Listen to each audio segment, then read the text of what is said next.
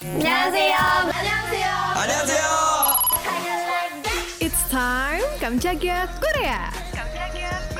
안녕하세요.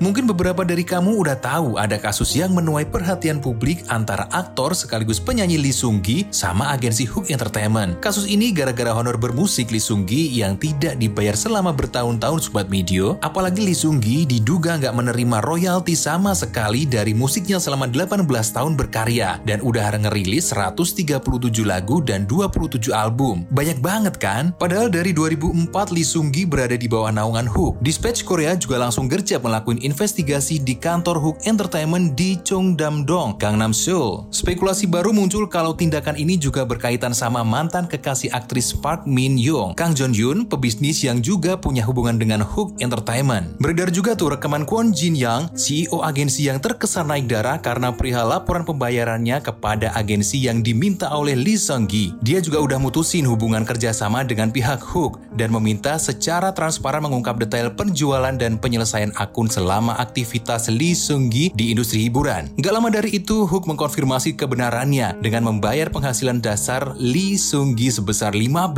miliar, penghasilan yang belum dibayarkan dari distribusi musik sebesar 34 miliar rupiah, serta bunga sebesar 14 miliar, totalnya 64 miliar. Tapi yang lebih ngagetin lagi, Lee Seung Gi malah buat donasiin uang itu semua yang di mana hasil dia berkarya puluhan tahun dan nempuh jalur hukum dengan ngajuin gugatan ke Hook Entertainment. Bukan serta-merta tentang tentang uang aja ya, tapi mau ditegasin tentang keadilan apalagi uang itu diduga dipakai buat kehidupan pribadi Kwon Jin Yang. Dan gak lupa, Lee Seung Gi juga ngucapin rasa terima kasihnya atas dukungan para fansnya terhadap kasusnya dengan Hook Entertainment Waiting Opa, Social Justice Matters. Saya Raditya pamit, jangan lupa dengarkan update terbaru lainnya.